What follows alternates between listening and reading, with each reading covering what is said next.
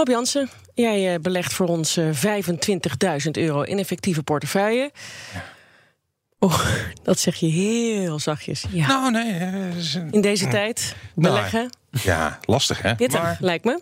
Ja, maar toch, als ik kijk naar ehm, eh, de, het totaalrendement, dan is dat voor het eerst sinds tijden weer eh, in de plus. Weliswaar een bescheiden plusje van 0,4 procent, maar dat is wel even geleden.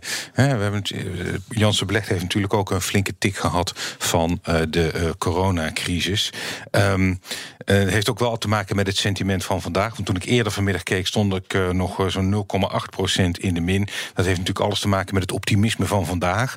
Aan de ene kant Jerome Powell, de president van de Amerikaanse Centrale Bank, die heeft gezegd dat hij nog veel meer kan doen om de Amerikaanse economie te steunen. En ten tweede het optimisme waar we het om kwart over vier over hadden. Dat bericht eh, dat biotechbedrijf Moderna zegt hoopgevende resultaten te hebben met een vaccin. Dat wordt toch ook als wel door handelaren als een van de belangrijkste redenen gezien waarom eh, de beurs op dit moment hoger eh, staat. Verder is er in de portefeuille niet extreem eh, veel veranderd als ik eh, kijk naar de fondsen. De fondsen die het goed deden, die staan er nog steeds goed voor. En ja, bierbrouwer Anheuser-Busch is nog steeds eh, een probleem. Shell staat nog steeds stevig in de min.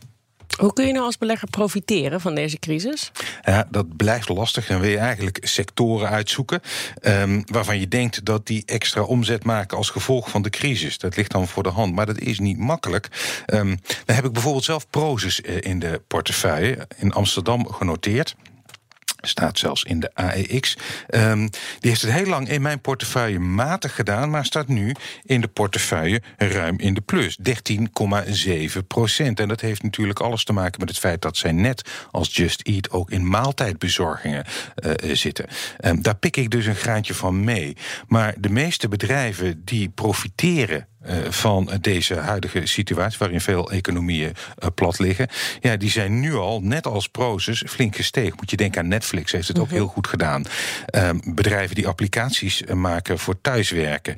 Eh, wat dat betreft heb ik met eh, Prozus mazzel. En overigens ook Microsoft doet het goed in deze tijden. En dat is ook een van mijn betere, de 45 procent eh, hoger sinds aankoop. Maar dat is, ja, achteraf beleggen is altijd het makkelijkst. En het is meer geluk eh, dan... ja, want heel vaak ben je natuurlijk, als je ziet dat iemand Ja. profiteert, dan ben je, dan ben je Ja. laat en is het aandeel duur. Ja, je moet gewoon blij zijn eh, als belegger dat je een aantal aandelen eh, in je portefeuille hebt die inderdaad van deze situatie profiteren. Maar als je er nu, eh, als je er nu nog wil speculeren, wordt dat denk ik vrij lastig. Heb je al wat aandelen verkocht om meer geld in kas te krijgen? Nee, nog niet. Maar dat worden natuurlijk wel de aandelen waar ik al flink op heb eh, eh, verdiend. Eh, waar ik dan winst opneem, zoals dat eh, zo mooi heet. Nou ja, Microsoft is natuurlijk een eh, geschikte kandidaat. Want die heeft al, daar zou ik best wel een plukje van kunnen verkopen. Met die plus van 45 procent. Een ander bedrijf wat het heel goed doet, Galapagos, 31 procent ruim eh, in de plus. Ik denk dat dat wel een van die twee zal het denk ik worden. Want dat zijn toch wel de grootste stijgers bij mij in de portefeuille. Horen we volgende week. Ja. Rob, dank je.